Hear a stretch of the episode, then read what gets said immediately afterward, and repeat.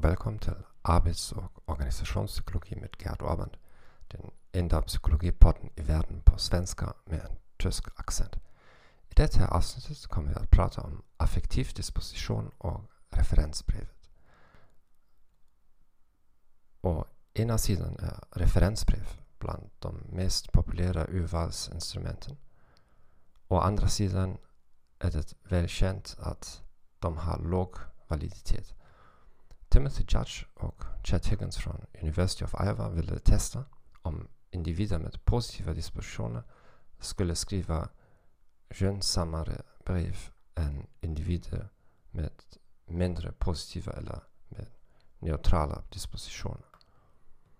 Eftersom de flesta referensbrev brukar använda gynnsamma adjektiv kan en bättre indikator på författarens avsikt vara längden på brevet.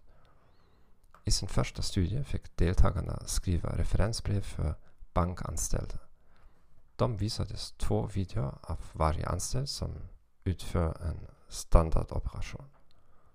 De fick också bakgrundinformation om den anställde.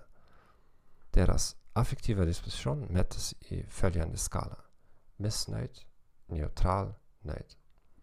Resultaten visar ett positivt samband, en positiv korrelation mellan referensbrevets gynnsamhet och handledarens affektiva disposition.